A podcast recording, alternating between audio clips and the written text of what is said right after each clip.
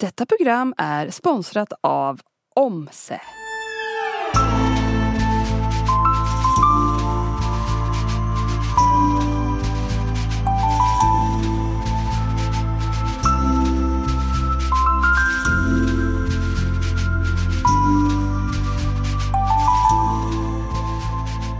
Hej och välkomna till Bröstcancerpodden. Idag kommer vi diskutera val inför operationen och alternativet platt. Men först lite reklam. Omse är en naturligt aktiv hudvård gjord enbart på ekologiska växtbaserade ingredienser. Omsorgsfullt utvalda för att göra huden gott och skapa balans. Passar alla ansikten och uppskattas av både torr, känslig och oljehud. Hej! Hej! Ja, jag har försökt göra lite reklam här nu. Omse? Natural Active Skincare. Wow. Det är fan svårt alltså. Men Johanna, varför är din hud så otroligt frisk och glänsande? Ja, tack. Har du bytt någon eh, hudvårdsprodukt Ja, kanske? det kan man faktiskt säga att jag har. det är jätteroligt. Är vi bra på att göra reklam Ja. eller? Ärligt talat så har jag börjat använda ett eh, hudvårdsmärke. Mm. Ja, Det stavas OM-SC. Jag har fått prova det här nu i en månad. Eh, Och det är helt liksom oljebaserade grejer. Mm. Eh, Och det är helt ekologiskt och helt bara gjort på växter. Så det är jävla bra. Mm. Inga tillsatser och man känner sig inte som att man trycker i sig massa skit helt Mm. enkelt. Bara. Det är liksom är som att man är på något litet spa. Vet, man får så här händerna bara smeker längs Mm. kinden. Mm. Får man en liten yogapass i ansiktet. Men alltså du Mm. målar ju upp det här så att jag blir så sugen så jag måste ju köpa på en gång. Precis. Alltså det vore ju helt fantastiskt om det fanns en rabattkod. Eller hur?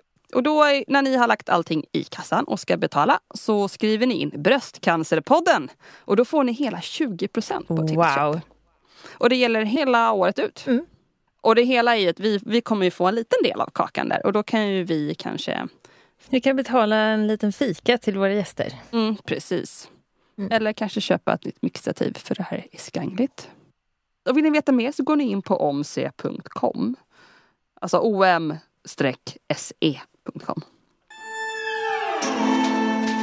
Hej och välkomna till Bröstcancerpodden! Med mig Johanna. Och med mig Tina. Idag ska vi prata lite om utseende. Ja, tankar inför operationen och Mm. hur ska man välja egentligen? Tina, du opererar ju ditt bröst.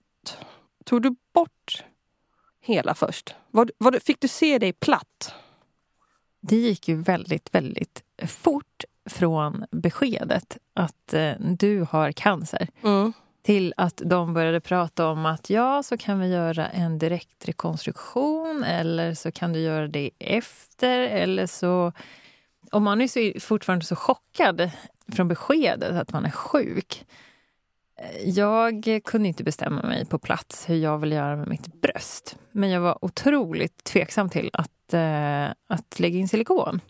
Men då hade de sagt till dig att vi måste ta hela ditt bröst. Ja, alltså jag, hade, jag har alltid haft väldigt små bröst. Och, eh, och sen så hade jag en knöl precis under bröstvårtan. Mm. Den låg för nära så de sa att vi måste ta bort din bröstvårta. Mhm. Och så måste vi ta bort runt omkring. Och sen i och med att det var små bröst så skulle det knappt vara någonting kvar runt omkring heller. Liksom. Så, så det, det fick bli en mastektomi.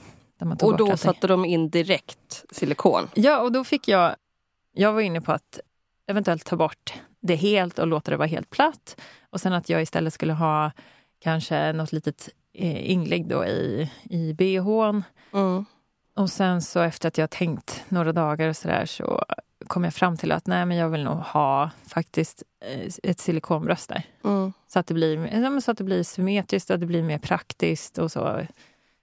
Eh, när man just eh, väljer just kläder och så, bh och så. Det blir, Mm. liksom, det blir lite klurigt när man är osymmetrisk. Precis. Kan man få så här ryggont och grejer man har ett bröst bara? Ja, ja, säkert om man har stora, Stora bröst. bröst. Och Mm. jag hade, ju- jag hade inte det, så jag tror, det skulle inte blivit ett problem. Nej. Men, men för dig, alltså, för, för jag tänkte, det var så självklart att de skulle ta en tårtbit. Jag tror de bara sa liksom att den här operationen kommer ta en tårtbit. Och så Mm. sätter vi tillbaks eh, bröstvårtan så bra det går. Mm. Och syr ihop. Och så, så är det klart. Mm. Och det lät ju bra. Mm. Men jag kommer ihåg, jag har säkert redan sagt det här innan, men det var så, tycker jag är lite kul att jag efter jag fått de första lugnande tabletterna innan operation. det, ja. Och eh, jag bara, men Ja. du läkare, kan, inte, kan vi inte bara ta bort hela bröstet när det ändå är igång? Hon bara, mm, Johanna, det funkar inte riktigt så. Att de tar ner det här ganska väl. Det är inte bara att de bara sågar av det liksom. Så, här. Så att det fick jag inte. Men då tänkte jag att vad fan, om de ändå håller på det kan man bara ta det. liksom. Ja. så du var inte främmande för att ta bort brösten med andra ord? Nej, jag alltså, vet inte om jag tänkte klart var- men eh, nej. Ja. Alltså, jag, nog, jag kan, det är svårt att sätta sig in hur det känns att Mm. alltså, det skulle kännas att vara helt platt. Mm. Alltså, jag tror ingen skulle lägga märke till det om man har tröja för att folk har ju små bröst ibland Mm. som inte syns alls. Alltså det är inget konstigt. Mm. Alltså, man skulle säkert reagera om man såg någon på stranden som är tjej Mm. eller kvinna och är helt platt utan bröstvårtor. Mm. Mm. Alltså det är klart man skulle reagera Men, frå- men, man skulle hur- inte tycka det var konstigt. Nej men hur, det är kanske att man kollar två gånger men det är inte... Men det är gör man ju om man ser en är- som har ett ben. Eller, Ja. Alltså bara för att det är lite ovanligt. Men det är för att man är lite nyfiken och för att Ja. det är originellt. Och, och det är ju inte så här, för man, man tänker så här... På vilket sätt reagerar folk då egentligen? Är det, Mm. är det verkligen negativt man reagerar? Att vara annorlunda, är det så, så dåligt? Nej, det behöver det absolut inte vara. Eller det är ingenting som är dåligt med annorlunda. Det är Nej. väl hur du själv känner och hur du, vad du känner dig bäst i. Ja, för människor är så känsliga så fort det sticker ut lite åt något Mm. håll. Men nu är det också mycket mer inne att vara lite mer originell. Mhm. Och jag tror det kommer en hel generation nu där man ska vara unik på ett annat sätt. Mot tider där man skulle liksom mera passa in och man skulle liksom... Mm. Man kör sitt race och det ju, borde man ju alltid göra egentligen. Mm. Men känner du nu, alltså om du skulle stå framför spegeln bara, här, Mm. kolla på dina tuttar. Tänker du, hur, hur tänker du? Alltså jag blir påmind varje, varje dag. Jag går ut i duschen alltså, och ser mitt bröst som, är, mm. som, är, som det är i. Om jag tittar mig i spegeln så tycker jag att det är fint. Jag tycker det Mm. ser bra ut. Och jag, jag tycker det är fint med ärret. Jag var inne på att kanske göra en tatuering över det. Men jag är mer och mer inne på att jag ska bara behålla det som det Mm. är. Jag tycker det är lite coolt det där ärret och det är en del av min historia. Ja, ja, ja. Jag känner inte heller att det är något konstigt. Alltså det är där det är. Liksom. Och jag, inte så att jag, Nej, men du tycker det ser jättefint ut på dig ja, också. det, är, men, ja, det bröstet är ju ännu snyggare än andra bröstet för det börjar bli stort och lite så här hängigt. 40 år, 40 år gammalt bröst. Fan vad det alltså, låter äckligt. 40 år gammalt, det låter som det ska vara så här skrumpet, svart, sån äpple som har legat för länge, man glömt bort. Och så Det- inte så här, ja, men du har inte haft bröstet sedan du föddes. jag föddes med väldigt stora bröst. Ja, du- Ja, Väldigt svår förlossning. Ja. Kommer ut en unge så bara blum blum. Nej. Nej. Nej, men jag menar ändå att det, det, liksom, det är klart det hänger. Liksom. Mm. Eller, har ju- jag tycker jag har ganska fina bröst. Mm. Alltså, Ja, det tycker jag med. mm. Men om du tittar i spegeln så här efter duschen eller någonting, vad, då... Ja. ja, men jag tycker, ja, det är mer att man tänker att jag tror att jag tänker det bara för att jag ska, ska tänka det. Att, ja, men jag ska lyfta det ena bröstet och göra det lite mer likt det opererade bröstet. Jaha, men varför då? Ja. Nej men alltså bara Ja. för att man ska... Men ja, men då det- kan jag också ta lite rynkor då. Alltså du Mm. vet så här. Men det är ju inget... Jag gör ju inte det. Mhm. Men, men jag kan tänka mig att det kan bli en sak... Man kan göra det utseendemässigt för att man känner för det. Men, men att det är så praktiskt också, att det kan bli svårt med bhs. Mm. Och så. Ja men det är en som är större och en som är liten. Ja. Jag har fått sluta köpa... Jag köper inga värderade bh nu utan bara typ trekants bh som är tunna. Aha. För då passar det ju båda mycket enklare. Så fort det är kupor så blir det ju en stor och en liten. Mm. Sen kan man göra inlägg men det blir fortfarande en, det blir fortfarande en glipa. Om man har t-shirt så glipar det ju ena Mm. bröstet. Och jag menar, det ena bröstet får ju i massa stöd och det andra får inget stöd. Då. Nej, nej det är sant. Alltså går jag bara utan men då blir det ju en bröstvårta upp, en bröstvårta ner. Mm. Men Mm. det är inte, det är, det, det är inte hela världen faktiskt. Mm. Men vi ska i alla fall ha en liten intervju idag också. Mm. Och hon ska ta bort båda brösten. Mm. Hon har ju precis gjort sina cellgifter klart och ska operera sig. Mm. Så hon har ju säkert jättemycket tankegångar kring operationen. Precis. Då ringer vi. Matilda Lindmark. Ja. Ja, det är Matilda. Hej Matilda! Hej! Oj, ja, vi kan säga vilka vi är. Bröstcancerpodden här. Ja, hej! Vi bara säger så här, hej! Du bara, vem är det som ringer? Vi tänkte börja lite med din bakgrund. Ja, Hur ser livet ut för dig just nu? eh, livet ser eh, bra ut för mig. Jag bor i ett hus utanför Sundsvall med min familj. Vi har eh, lite höns, lite kaniner. Min man och jag har två barn på fyra och fem år. Så det, det är lite härligt faktiskt. Ja, Låter fantastiskt. Ja. Jag eh, är doktorand Ja. på Mittuniversitetet. Jag ja. håller på med forskning inom skogsbruk, hur vi ska bedriva skogsbruk i Sverige. Mm. Ah, Eh, Så det är eh, väl både intresse och försörjning såklart. Men eh, allt som har med uteliv och skog och natur och friluftsliv att göra ligger mig varmt om hjärtat. Ja, alltså jag ryser när jag Mm. pratar om det. Det är så otroligt... Alltså man sitter här i hela lägenhet, avgaser runt omkring och sen så har man turen ibland att kunna komma ut på landet som vi säger. Åka till landet. Men alltså då mår man ju så himla himla bra. Och så Mm. har du det där alltid. Det måste kännas så jävla härligt. Ja, och det känns otroligt värdefullt. Ja. Eh, inte minst nu i all den här liksom, cancerkarusellen så är det ett ankare verkligen att ha. Precis. Du får berätta, hur, hur, eh, när kom sjukdomen in i bilden? Den kom in hastigt och lustigt i maj i år. Ja. Ehm, jag var helt frisk sen innan och kände två små gruskorn under huden. Alltså jag kopplade inte ens att det var i bröstet, liksom, utan det var under huden och tänkte det här var konstigt. Ja. Mm. Ehm, jag upplevde att de bara var där plötsligt en dag över en natt. Ja. Och man kanske inte går och klämmer på brösten hela tiden heller. Nej, nej visst, jag gjorde inte det. Men sen gick det väldigt, väldigt fort. Jag ringde vårdcentralen direkt. Fick komma dit samma dag. Oj, vad Ja. bra. Då kändes det jättebra, men också lite läskigt. För jag hade inte ens tänkt tanken på cancer, det hade jag inte. Nej. Men jag åkte dit i alla fall och fick träffa sköterska och läkare där och de sa ju samma sak. Ni vet, det är säkert ingenting. Utan Ja. du som är ung och frisk, det kan vara en massa andra orsaker till att man känner knölar. Mm. Men om man får fråga, hur gammal är du? Ja, Du är ju mycket yngre än oss till och med. Det är sjukt. ja jag är 31. Ja, och det är ju väldigt tidigt för att få Mm. bröstcancer. Men det är också, vem som helst kan få det även om man bor i frisk luft och, Ja. och du tränar ju mycket också och sådär. Ja, jo, men Mm. jag tycker ändå att jag är hälsosam. Och Ja, har liksom, jag har ammat mina barn och jag har inte ätit massa konstiga saker och jag har tagit hand om Mm. min kropp, men lik förbaskat. Och det har ju det grämde mig mycket från början. Att säga varför? Varför Mm. skulle man drabbas av det här? Det var ju en känsla av eh, orättvisa. mm, Mm. Men eh, så var det i alla fall. mm, Och eh, de sa på vårdcentralen att du, du ska inte oroa dig. Det är säkert någonting annat. Men för att följa alla riktlinjer så skickar vi ändå en remiss till mammografi på sjukhuset. Det gör vi alltid. Mm. Och de Mm. försökte verkligen övertala mig om att det inte var någon fara. mm. Mm. Ehm, sen ringde de från sjukhuset och sa kan du komma samma vecka?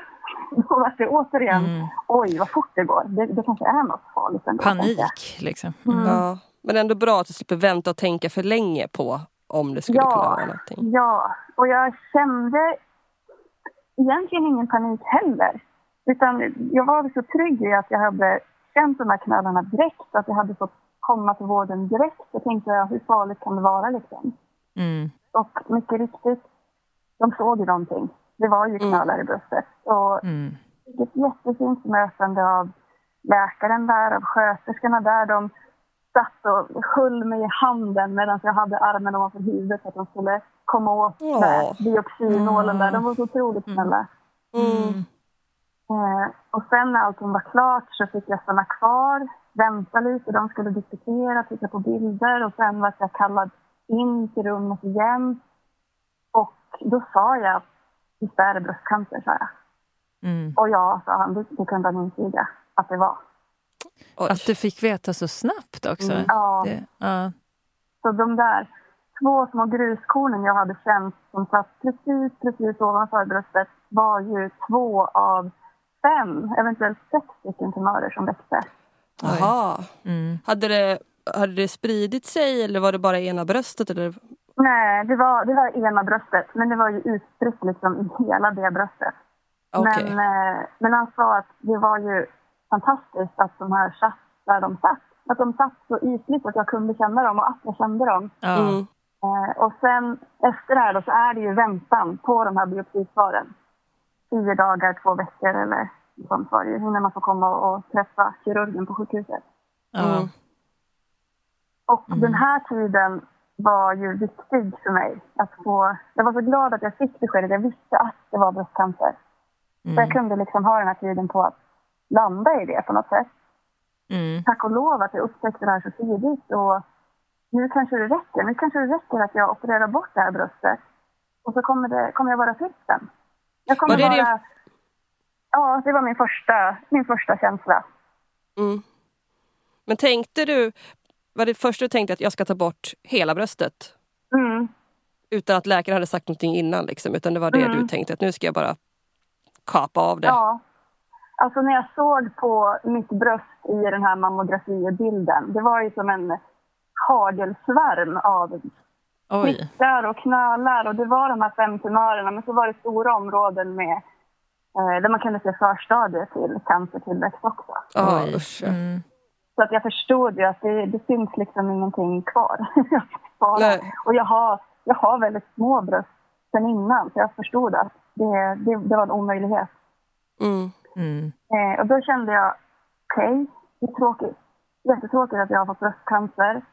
Jättetråkigt att behöva göra en operation som jag inte har bett om på något sätt. Mm. Men det känns ändå okej.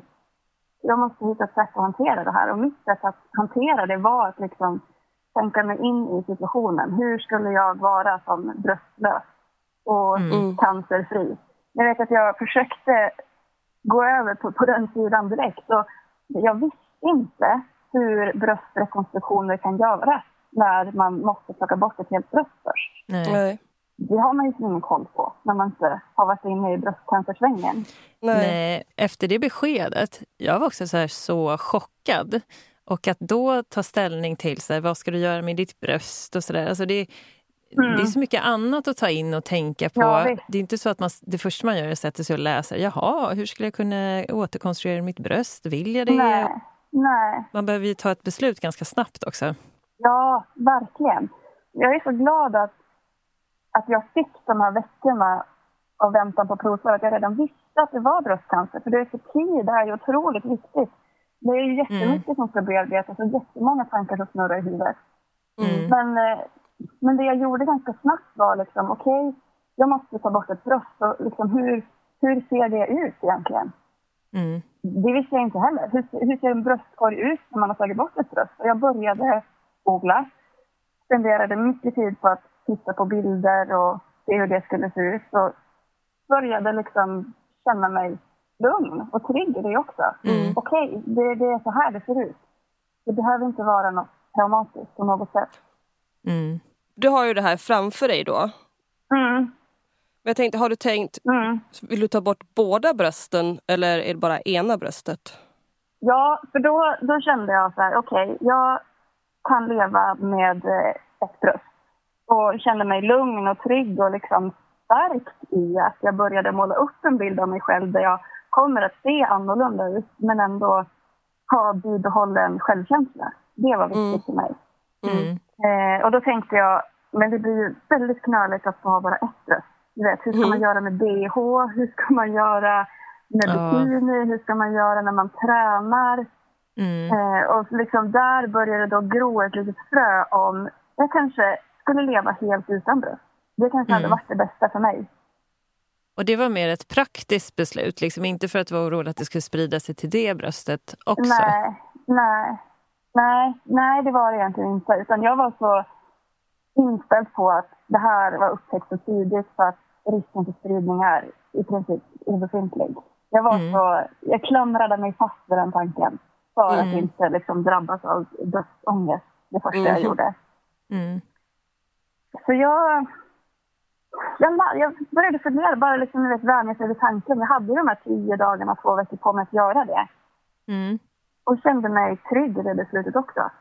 Mm. Och i de här perioden av googlande så försökte jag också hitta bilder på hur rekonstruerade bröst ser ut och vilka operationer det innebär. Och jag kände att jag kommer aldrig kunna få tillbaka mina egna bröst.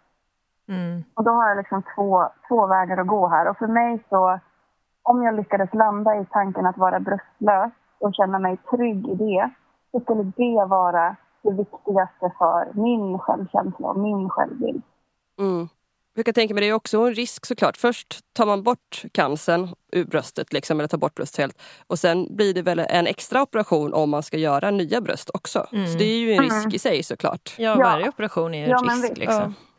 Absolut. Det låter ju som att du var väldigt klar, du var liksom klar i dina tankegångar och ditt beslut då redan innan du fick träffa en kirurg. Ja, För sen fick du komma tillbaka till sjukhuset då? då? ja precis. Ehm, så jag fick ju kallelsen till sjukhuset då. Som ju kanske är egentligen det liksom officiella eh, beskedet, beskedsmötet. Huruvida man har cancer eller inte. Men eh, Mm. jag, jag visste ju det. Så. Mm. Så jag var, jag var redo att bli eh, bröstlös och cancerfri. Det var det jag var inställd på när jag gick till sjukhuset. Ja. Då fick jag träffa kirurgen och han gav beskedet om att den här cancern som du har fått är väldigt aggressiv. Den är väldigt snabbväxande. Den är väldigt starkt HER2-positiv. Den är väldigt östrogenkänslig. Så att för att vara på säkra sidan, för att minimera risken för spridning, så måste vi göra cellgifter först Mm. innan operation. Mm. Men vi pratade ändå om, eh, om operationen, för det skulle ändå bli tal om operation efter Mm. allt det här. Eh, och det första kirurgen säger då att tyvärr så finns ingen möjlighet för bröstbevarande operation eftersom det var så många tumörer och de satt utspritt i bröstet. Mm. Och då sa jag att du behöver inte ens säga tyvärr, jag, jag vet det och jag har ställt in mig på det. Jag vet att ni kommer behöva ta bort det här bröstet och om jag får bestämma så vill jag ta bort det andra bröstet också. Mm. Och jag vill inte göra någon rekonstruktion, det, det är inte viktigt för mig. Mm. Och då fick jag till svaret som jag vet att många andra har fått som svar också. Det är att tyvärr så skär vi inte i frisk vävnad. Nej. Men, men däremot så kan vi erbjuda fina implantat, göra en bröstrekonstruktion med det. Vi kan också erbjuda en diet operation när man ju tar både hud och fett och muskler från många olika delar av kroppen, friska delar av kroppen för att försöka konstruera ett nytt bröst. Men vi kan inte ta bort friska bröst. Okej. Det var det svaret jag fick. Fick du någon klarhet i grunden till liksom, varför man inte kunde ta bort det friska bröstet om du ville det? Ja, han sa också att de flesta unga kvinnor som får besked om bröstcancer blir så chockade så att det första de säger är att de vill ta bort allt. Ta bort Ja. allt bröst. Ja. Eh, och sen ångrar de sig. Mm. Och då kände jag att eh, då, då kan jag ju säga vad som helst men han kommer ändå liksom inte lyssna på mig för att Nej. han tror att det jag säger är i affekt. Ja. Mm. Så att eh, min känsla var att det gick från ett informationsmöte till något slags övertalningsmöte på hur, hur fina sådana här rekonstruktioner kunde bli och hur att det skulle räcka för mig att jag skulle kunna bli frisk efteråt att man skulle inte kunna se, om jag hade kläder och bh på mig så skulle man inte ens kunna se att jag hade tagit bort ett bröst från början. Nej. Det låter inte som att de lyssnade riktigt Men det är väl på så in- din önskan. ja, det är ju jättesvårt för alla parter egentligen. Tänker jag. För att, Mm. alltså, de har ju träffat många bröstcancerpatienter såklart och säkert också Mm. vet om att man kanske då har ångrat sig sen. Och, Ja. Mm. och sen är det väl olika också hur brösten är, hur det är viktigt för en själv. Liksom. Om jag behöver men på visst. bröst eller känner jag mig vet. okvinnlig utan eller kan jag vara det med eller Ja. hur det nu är. Det är så, vare sig liksom alternativet att göra en bröstrekonstruktion eller mitt önskemål då om att bli platt och symmetrisk. Jag tänker att det skulle kännas snett och vinst och konstigt att Ja. bara ett bröst. Inget av de Ja. alternativen har ju någon medicinsk grund egentligen. Utan det handlar ju bara om att man ska må så bra som möjligt och, och ha en kropp Mm. som man känner sig eh, trygg och nöjd med. Mm. Mm. Ja, det borde verkligen vara ett val. Liksom. Antingen Ja. så får man nya bröst eller så tar man bort båda om man vill göra det. Jag får Ja. tänka så här, om det är ett ekonomiskt beslut, då borde det ju ändå vara billigare att ta bort båda två på en gång än att Mm. efteråt Mm. lägga in silikon och göra en till operation. Ja. Precis. För man vill ju gärna kanske ha silikon i båda också då. ja. Eller? Jag känner mig så uh, orättvist behandlad helt enkelt. Varför ska inte jag få kunna välja det här? Om man Ja. ska kunna få välja att genomgå massa extra operationer för att lägga till bröst i efterhand. Varför kan inte jag då få välja det här alternativet? Och då tänkte jag att okej, nu har jag ju de här äh, sex stycken oändligt långa cellgiftskurerna framför mig. Det får ju bli min räddning. Jag får Mm. tid på mig att fundera, jag får Mm. tid på mig att läsa på. Jag hade bestämt mig. Det här var viktigt för mig för att jag skulle få kunna känna mig hel och frisk och symmetrisk och vacker efteråt allt det här. Mm. Jag tänkte jag får väl börja föra den här äh, övertalningskampanjen då. Mm. Och så tänkte jag, för jag tänkte också det här med, med varför, varför var det så? Jag vill ju ta reda på det. Vad har man rätt till egentligen och vad har man inte rätt till som patient? Men det som ändå de yrkade på var att man inte skär i frisk vävnad Mm. egentligen. Ja, Mm. Men att man då man kan skära frisk vävnad för att bygga ett nytt bröst. Mm. Så du säger lite emot sig själv. Mm. Det argumentet håller ju inte någonstans. Men man kan också förstå att de inte vill ta bort något fungerande. Ja. Det är ju som att om, eller nu kanske jag är jätterar och jättehård, men det finns ju folk som typ inte tycker om sina armar och vill operera bort dem. För att de inte känns som att det är som en Jag har grej. inte hört så många. Men, Nej men det finns ju sådana konstiga program på kanal. Okej. Men jag menar, Mm. det var en dum jämförelse, men jag tänker att läkare kanske tänker, alltså det är ju en frisk grej, det är därför man inte får lov att ta bort den. Ja, det var ju det jag ville förstå. Vad finns det för, vad finns det för argument egentligen?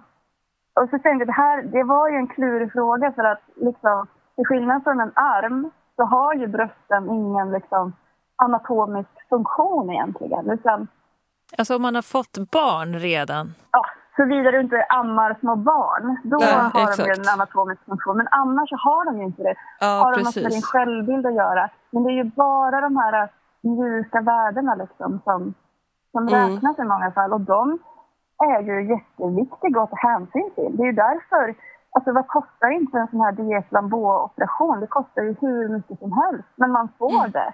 För att man vet att för många är det väldigt viktigt att ha bröst som ser symmetriska ut. Mm. Mm. Jag, jag googlade som sagt massor med bilder och fick, fick som tydlig målbild. Liksom, för det finns visst kvinnor som inte har några bröst kvar. Jag fick bilder av, de var ju liksom otroligt starka, vackra, fantastiska bilder av kvinnor som jag såg. Och det där blev en sån otrolig målbild för mig. Mm. Ja. Och det var då du bestämde dig att ta det här steget vidare, eller? Ja, jag var arg. Jag känner mig orättvist behandlad. Jag känner att bröstkirurgin kan liksom inte vara fast i normer bara om hur en lycklig kvinna med två bröst ser ut. För att det gäller inte alla. Det gäller kanske många, men absolut inte alla. Alternativet att välja att gå platt efter en operation måste liksom få ta lite plats och synliggöras också. För att nu hade jag ju betänketiden på mig, men alla gånger har man ju inte det. Många Mm. gånger är det ju operation bara liksom veckan efter man har fått ett cancerbesked. Så det är ju Mm. snabba beslut liksom som måste tas.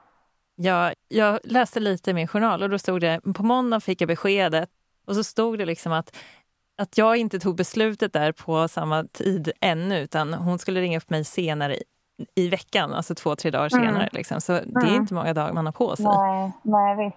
Så liksom arg, upprörd, så gick jag ut i Facebook, skrev ett inlägg i den här stora bröstcancergruppen som finns och fick gensvar. Vilket Mm. resulterade i en messengergrupp med kvinnor som liksom var framför mig i det här. De hade gått igenom behandling och de hade gått igenom operation och de tyckte likadant. Vikten Mm. av att få bestämma själv och värdet i att liksom ens självbild och ens självkänsla kommer inte från hur dina bröst ser ut eller om du Mm. ens har några bröst. Utan det, är, det är andra mycket viktigare saker som räknas. Mm. Så vi, vi bestämde att eh, vi måste göra någonting åt det här. Och om ingen annan kan lyfta de här rösterna så får vi göra det själv. Och vi startade en förening på stående fot. Mm. Och det är den här föreningen som vi kallar för platsnormen. Mm. Just att plats också också ska vara ett lika likvärdigt alternativ som olika typer av rekonstruktioner. Att det ska väga lika tungt. Och att det ska vara lika viktigt. Liksom. Det ska bemötas på samma sätt. Man ska få ha rätt till att träffa en kirurgen då som gör ett snyggt resultat i den bemärkelsen av att liksom, ärren blir fina, raka, slätad, all överskottshud lämnas bort. Det ska inte bli knöligt och skrynkligt någonstans. För att, jag menar, det är ju inte så att jag inte bryr mig om hur jag ser ut. Utan Mm. jag vill ju också känna mig vacker och fin. Mm. Ja, de gör ett snyggt slät resultat helt enkelt. Ja, precis. Mm. Så det gör vi. Och vi startade en Facebook-sida också som heter Plattnormen. Där det bara Mm. har trillat in folk nu som står och funderar på, på samma saker. Det här med rekonstruktion, är det verkligen nödvändigt för mig? Vill jag det eller vill jag inte? Kan jag hitta något Mm. annat alternativ? Mm. Och det, det är viktigt bara för att synliggöra alternativet om inte annat. Hur ser en plats bröstkorg ut? Och hur ser kvinnor utan bröst ut? Och visa Mm. på att de kvinnorna finns och är minst lika starka och vackra kvinnor som alla andra. Ja. Precis. Ja, jag, var också, jag har gjort en mastektomi också. Mm. Jag tänkte inte ens på andra bröstet faktiskt. Att det var så självklart för mig att det skulle vara kvar. Jag tänkte liksom inte Mm. på att jag skulle göra någonting åt det. Men jag var väldigt, väldigt tveksam till att göra en efterkonstruktion, alltså att eh, lägga in silikon Mm. sen efteråt. Men jag landade i att jag, jag har lagt in silikon och mest liksom för att det ska vara symmetriskt Mm. och att det ska fungera med bhs och sådana saker. Mm. Men jag upplevde också att de var väldigt, just de läkarna var väldigt förstående. De lyssnade väldigt mycket och det var liksom, det var mitt beslut. Men då handlade det ju bara om det, det sjuka bröstet då. Ja. ja. Nej, och just alltså symmetrin är viktig. Det, det har ju varit liksom en jätteviktig del när jag ska försöka tänka på hur kommer jag se ut nu då? Och har du fått godkänt att ta bort båda? Eller hur, hur Ja, ser hur, det ut? Ja. hur, gick det, hur gick det Ja. vidare? Ja, Precis. det vill jag veta. Ja, ja. Det gick vidare så här. I samband med eh, att jag bygger upp en kontakt och relation med min onkolog så på hennes inrådan så säger hon, vet du vad, du ska få träffa en annan kirurg som du upplever lyssnar på dig. Okej, Ja. vad bra. Mm. Så det, och det beslutet hade jag nog inte vågat, tror jag, tagit själv. Utan det var så skönt när hon kunde se att det här Mm. inte var bra. Mm. Så det fick jag göra. Och sen när man är ung och får bröstcancer så här plötsligt och hastigt så görs det ju oftast en genetisk utredning och ser om man har någon mutation helt enkelt som ökar Mm. risken för bröstcancer. Mm. Och eh, det hade jag. Jag har en eh, mutation på ATM-genen. Vilket Okej. ah, de kallar det för lågriskmutation. Det är Mm. inte jättestor ökad risk för bröstcancer men den finns ändå där. Mm. Och det låter ju hemskt i sammanhanget men det vart ju min räddning. Jag var ju glad att de kunde se det Mm. för då plötsligt så vägde mitt argument om att ta bort det andra bröstet lite, lite tyngre. Då fick jag Mm. min vilja igenom att göra det direkt i samma operation. Okej, så du får gå igenom en operation, tar bort båda brösten och gör det platt på grund av att du har, att du har det genetiskt. Då. Ja, Och det är bara därför? ja. Ja. Och det känns ju också helt orättvist att, att det är det som ska krävas. För det är ju inga goda nyheter. Att man bär på en gen som ökar risken för bröstcancer, det är inget roligt. Det känns ju jättetråkigt gentemot eh, liksom mina barn och kommande Ja. generationer. Ja. Men så var det i alla fall, så jag kommer få min vilja igenom. Oj, oj, oj. Ja, vad... Ja. Men då har du genomgått cellgifterna. Är de klara nu? Ja, de är klara. Ja, ja, grattis. Och jag är så glad att de är klara. Nu har jag liksom eh, och hämtat mig lite grann från sista kuren och nu börjar jag kunna se ljuset. Mm. Jag är så glad att jag inte behöver gå tillbaka till onkologen igen och ta några mer cellgifter. Nej, Jätte, usch ja. ja. men vad skönt. Då är det ju bara... Ska du få strålning och sånt också eller? Ja, det ska jag faktiskt. Mm. Det är väl lite olika huruvida man får strålning när man inte har något bröst kvar. Men i och med att det var Ja, så just många tumörer och att de täckte så stort område så vill de ge strålning för att det, studier visar på att det ändå kan minska risken för eventuella återfall. Mm. Så det kommer jag behöva göra också. Hur har, hur, har liksom, hur har tankegångarna gått hemma? Har ni diskuterat det här, liksom, ditt beslut? Ja, jo, men det har vi. Eh, alltså jag och min man har ju pratat om det här. Och han, eh, han vet om jag säga, att jag ändå... Jag, vet, jag kommer ändå göra som jag vill. Och det Ja. är viktigt Ja. för mig. Och jag Ja. hoppas och tror att det är liksom den sidan av mig som han uppskattar också. Att man Mm. har den tryggheten i att man behöver inte bry sig så himla mycket om vad andra tycker hela tiden. Det är helt okej att gå sin egen väg och hitta en väg som gör att man själv känner sig som starkast. Mm. Ja. Att det är det som är det. Och det är liksom den personen han känner också. Och Mm. förhoppningsvis tycker om och uppskattar. Mm. Precis. Så det har inte, det har inte varit någon laddad fråga någonstans egentligen. Mm. Jag upplevde också det från omgivningen, att det var så här, ditt val, ditt beslut. Ja, Alla andra kan hålla käften. Mm. ja. ja, ja, men det är ju så. Det, Ja men Jag faktiskt, det det så, borde man kan vara inte så. ta Ja. ja. hänsyn till andra. Då blir det bara jättekonstigt. Så här. Ja, men ja, ja men det Ja. går ju inte. det blir ju knasigt också. Mm. Precis. Men att inte få liksom det bemötandet från sjukvården, ditt val, ditt beslut, det har ju gjort mig upprörd. Men Mm. också gett mig en himla drivkraft liksom, att fortsätta Mm. stå upp för det här och prata om det här och berätta för andra om det här och vara Mm. med i plattnormens arbete. Det känns superviktigt. Och jag Mm. hoppas, min, min dröm är ju att det här ska ju kunna komma någon annan till gagn också. Mm. Hur den är så kommer det ju fortsätta vara 8-9 tusen kvinnor varje år som får det där himla beskedet om bröstcancer. Mm. Mm. Då bara att veta att det är okej, det här alternativet finns också och det ska vara Ja. lika värdefullt för att kunna bli lika vackert också. Man ska hitta, Precis. hitta, hitta det som matchar med ens egen magkänsla. Liksom. Mm. Det är jättesurt att du har fått det bemötandet och samtidigt tänker jag direkt så här, men det kanske var bra att det var just du som har den drivkraften då nu, till och med när du är sjuk, som har kunnat starta det här och kanske kan hjälpa andra människor då på vägen också. Ja, ja, ja, jag hoppas det. Jag Mm. hoppas kunna göra lite skillnad. Mm. Då får ju de ha svar på tal också varför det inte går. Mm. Men det borde ju inte vara så konstigt egentligen. Nej, men verkligen. Ja, och jag har, eh, jag har varit i kontakt med, med eh, en av de kirurgerna som står bakom de här riktlinjerna som finns om hur Mm. bröstcancerkirurgi ska gå tillväga. Och hon, vi hade ett jättebra samtal och hon lyssnade verkligen och kunde ta till sig en del och jag fick en del att tänka på. Men, eh, men det kommer förändras. De här riktlinjerna Mm. kommer förändras Mm. Mm. för att öppna upp för att alla kvinnor kanske inte är som lyckligast med två bröst utan att det finns andra alternativ. Mm. Ehm, Och sen måste man ju såklart väga det med eh, risk för komplikationer och risk med att det skjuter upp annan behandling med strålning och cellgifter och sådär. Men, men det ska ändå lyftas att alternativet finns. Och att det blir Mm. liksom ett verktyg för kirurger också. Att de kan vara trygga med att säga att det är okej, det är din kropp, ditt val. Vi, vi jobbar ändå enligt riktlinjerna. Ja. Ja, för det där, jag tänker också att läkare måste ju förhålla sig till riktlinjerna. De kan ju inte bara gå Mm. utanför dem heller. Nej, men visst. Lä läkare kanske kan tycka andra saker, men om det står något tydligt skrivet i riktlinjer, då måste man ju förhålla sig till det. Mm. Det finns ett kapitel i de här riktlinjerna som heter känslomässiga aspekter på mastektomi.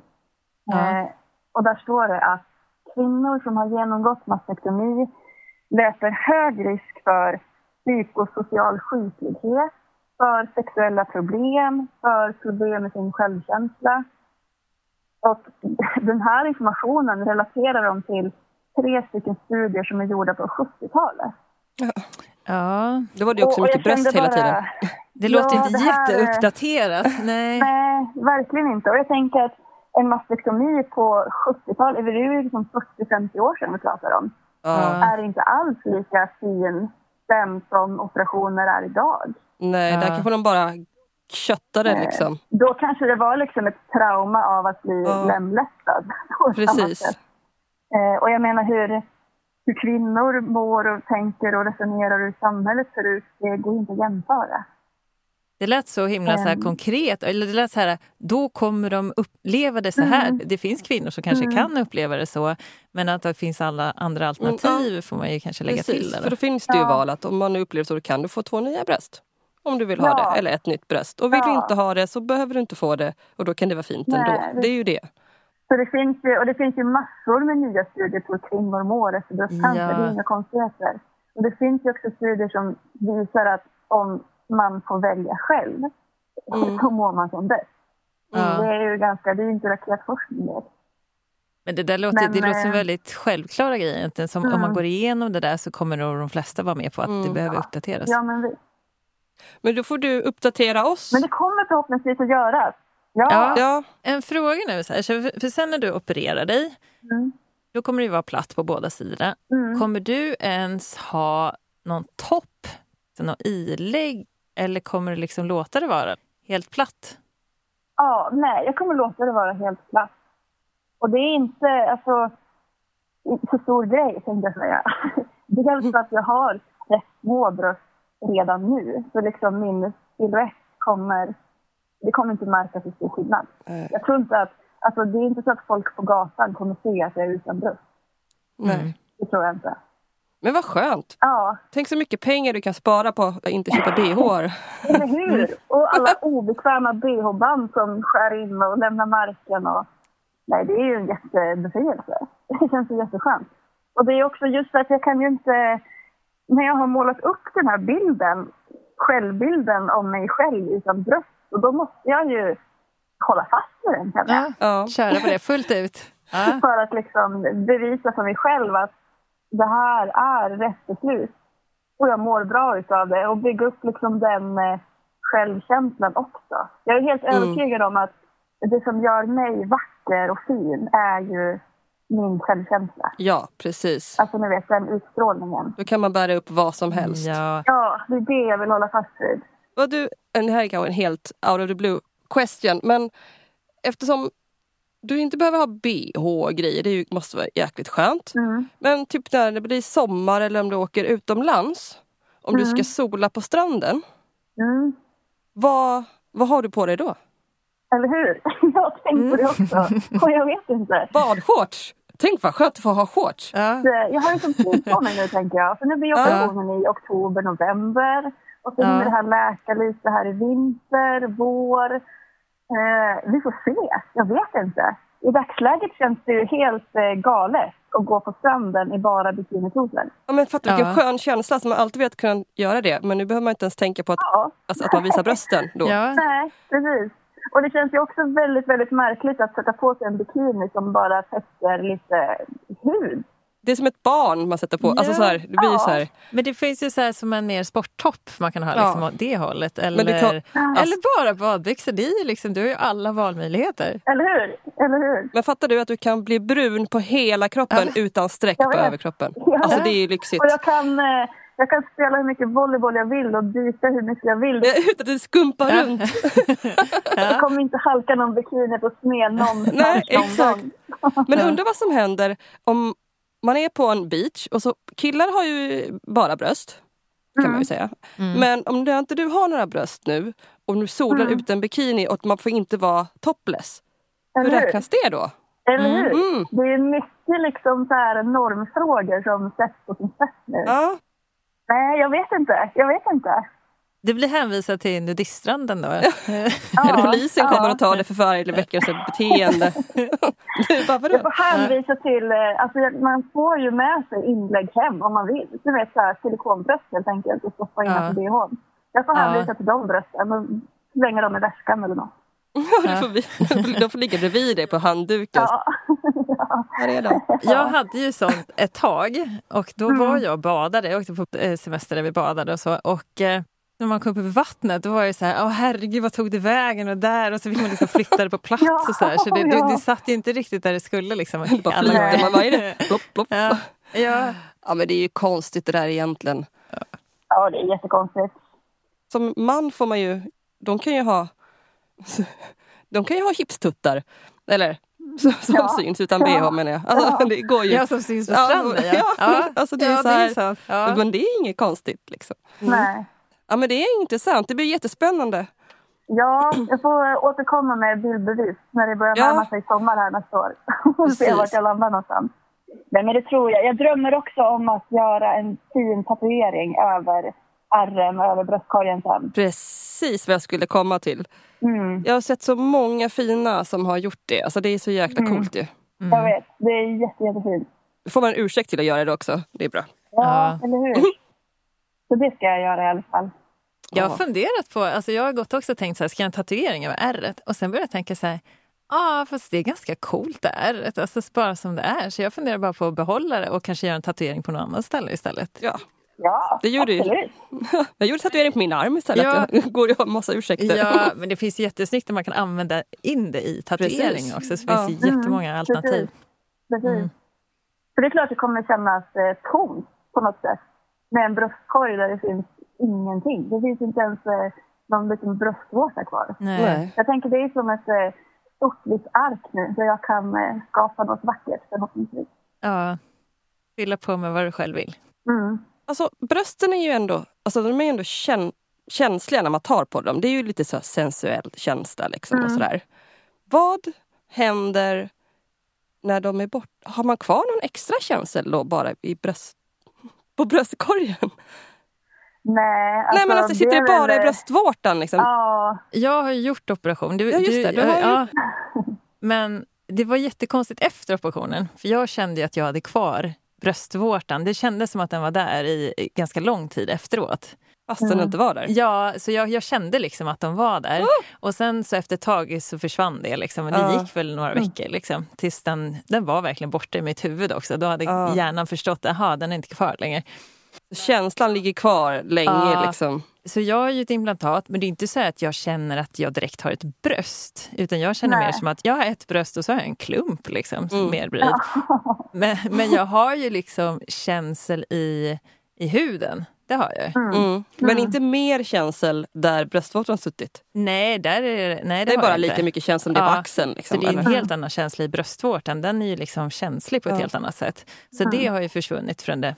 ja, och det är väl den eh, också en förlust som jag sörjer. Det Ja. kommer jag ju förstå Ja. också. Alltså Mm. allt som har med det här liksom, sensuella och känsliga kring ett bröst Mm. att det kommer gå förlorat. Men precis som du säger, jag förstår ju att även om jag gör rekonstruktion så kommer inte det finnas kvar. Nej. Mm. Det, det spelar liksom ingen roll.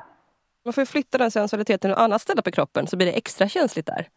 Ja, men jag tänker att har man inte liksom den här Det går ju känslighetskvoten. inte. Rumpan kanske kan bli lite extra Ja. fin. Liksom. Mm. Ja, man får lära sig och man Ja. får väl anpassa sig lite. Precis. Jag var också jätteledsen. Mm. Att det skulle försvinna bröstvårtan och sådär. Men alltså det är ju... Jag tänker inte på det idag direkt. Du slipper ju få tuttfräs när det är kallt. ja. Alltså, men jag har ju liksom, min, eftersom mitt bröst är lite mindre än andra, det ser ju bara roligt ut när det blir kallt. För då är det en bröstvårta som pekar uppåt och en neråt. Det är bättre att slippa istället.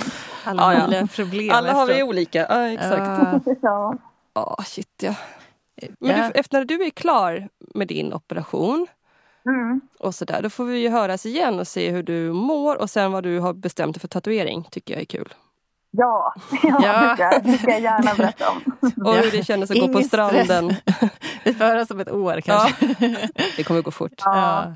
Nej, men ni kan tro det. att jag har en, en bild i mitt huvud redo. Ja. Ja, Nu är det bara att vänta det här året av läkning som ska till innan Ja. man vill tatuera någonting på ärren. Ja. Men tänk friheten att bara Mm. kunna säga, ja men jag går ut i trädgården bara älskling, så sätter du på dig ett par shorts Ja. och inget mer. Mm. Vad skönt! Alltså visst man kan gå Eller med hur? bara brösten då men det blir väl Ja, det är ju som det är, att man tycker att det känns naket liksom. Men Ja. när det inte, nu har du ju ingenting som du behöver skyla, eller vad man ska säga. Nej. Ja, men som tjej är man ju så van vid att brösten Ja. visar man inte. De ska man liksom Mm. dölja. Jag Mm. kanske startar någonting som bara visar brösten. Normen istället. Alltså, för att man inte ska skämmas, man kan gå naken ändå. Jaha, så. Alltså så här, Ja. bara Du ska bli hela en tiden. ren, du ska bli en ren nudist. Ja, jag är nog lite nudist faktiskt. Ja. Jag tycker det är lite skönt att vara naken. Nästa gång vi spelar in kommer jag gärna sitta näck här. Då kommer Ja. jag känna mig kanske Precis. helt En obekväm. liten stjärtlapp bara så man inte smutsar ner stolen. Då är du välkommen också. Nej, Ja. Om du vågar. Nej. Ja men vad härligt. Så trevligt och ja, känns stackar. Jag eh, ser fram emot de här friheten som väntar mig. ja. Ja. Mm. Jo, en sak vill jag säga. Lite Ja. här eh, take home message om, eh, om det, ni sitter någon här och lyssnar och står inför den här operationen. Eller Mm. för den delen har genomgått operationen och inte fått den vilja igenom. Så jag vet att det är många som får det där beskedet. Ja, vi skär inte i friskvävnad. Vi Mm. opererar inga friska bröst. Mm. Eh, det finns absolut en möjlighet och om man läser mellan raderna i de här riktlinjerna så, så finns det där också. Alltså av, om du har tvingats ta bort ett bröst på grund av medicinska skäl eller om du själv har valt det så har du rätt att ta bort det friska bröstet också om du tycker att det behövs för att uppnå symmetri, om du känner att det är viktigt för dig. Mm. Men Mm. Man gör inte det under pågående behandling i så fall. Ja, så man kan få det efter. Utan då vill man först vara färdig med cellgifter och strålning så att man inte riskerar att skjuta upp den behandlingen för att det skulle kunna uppstå någon komplikation. Ja. Mm. Det viktigaste är ju att ta det sjuka bröstet. Men sen, då har man rätt att få det. Ja. Men du har alltid, alltid rätt att gå tillbaka till kirurgen och säga som det är, att du upplever att det är osymmetriskt och att du helst Mm. hade sett att du vill bli symmetrisk och platt och vill ta bort det andra bröstet också. Då har du rätt att göra det efter Mm. avslutad behandling. Men det är ju bra att veta. Och, Mm. eh, och det är kanske är bra att man får den betänketiden också. För då Mm. har man ju tid Och känna efter. Ja, känna precis. efter. Perfekt. Men supertack Matilda och lycka till nu då med Ja, verkligen. operationen. Du får Jag hålla oss det går bra. Tack så mycket. Ja, ja. Nej, men jag är jätteglad att jag fick vara med och dela min, mitt perspektiv på det hela. Det är bara till att höra av dig om det skulle vara... Om du Ja, vill det ska jag göra. ge mig någon bild eller något göra. kul sådär. Ja. Precis. Jag hängde ut så här slangar efter operationen och då tog jag en handväska. Så gick jag runt med dem så här i. Då. Ja, Drainageväska. Blodpåsarna. Ja. Kommer ha två stycken då, en för varje sida. Ja. Ja. Ja. Ja, det nej, det ska bli spännande. Jag, eh, med lite skräckblandad förtjusning så ser jag fram emot den här Ja, såklart. Men det är härligt att höra den positiva anda. Liksom. Ja. Det, det, jag tror Ja. det är mycket, det är viktigt. Ja. ja. Ja, Vi lycka hörs och till med ses, hoppas jag. Och, Ja. ja. Verkligen. och tack. Ta hand om dig och ha en fin dag. ja, tack så mycket. Detsamma. Ja, Ha det bra. Ja, hej då. Hej, hej. Hej då. Tack för idag Tina. Så himla trevligt Ja. att prata om utseende och bröst. Och tack Matilda. Ja, tack Jätteintressant. Matilda. Har man funderingar så kan man gå in och titta på plattnormen. Ja, om man går i de tank- tankarna. Ja, om man går i de tankarna i en tankeställare. Och då kan man säkert kontakta dem och fråga hur de har tänkt och inför och hela det här Mm. om man nu är lite osäker. Mm. Man, det är ju en stor grej att göra så att Mm. det gäller ju att tänka igenom såklart. Mm. Men då finns säkert de där och stötta er. Mm. Och sen tänker jag också, man, man kan ju säkert... Jag, jag hade ju kunnat ta bort bröstet, men att man kan lägga in silikon efteråt om Mm. man känner för det också. Det finns ju alla möjligheter där. Precis. Ja. Jag har en kollega, eller kollega, min, eh, ja vad kan man säga, nästan en släkting. Mm. Eh, hon byggde ju bröst av magen. Mm. Och det var efter. Och jag kände på dem. Det kändes Ja. precis som bröst. Oj. Ascoolt. Och det gjorde hon liksom efter längre fram. Mm, kan, eller så gjorde hon det under tiden efter operationen direkt. Att de bara... Mm. Det här var inte i Sverige dock, kan jag säga. Mm. Mm. Men hon har också gjort tatuering. Den har inte jag sett än, men jag vet att hon har gjort tatuering över sina, Mm. sina magbröst. Mm. Nej, Ja. nu lägger vi ner. Tack för idag! Tack. Det var Vi-. Vi hörs snart. Puss och kram! Puss och kram! Hej då!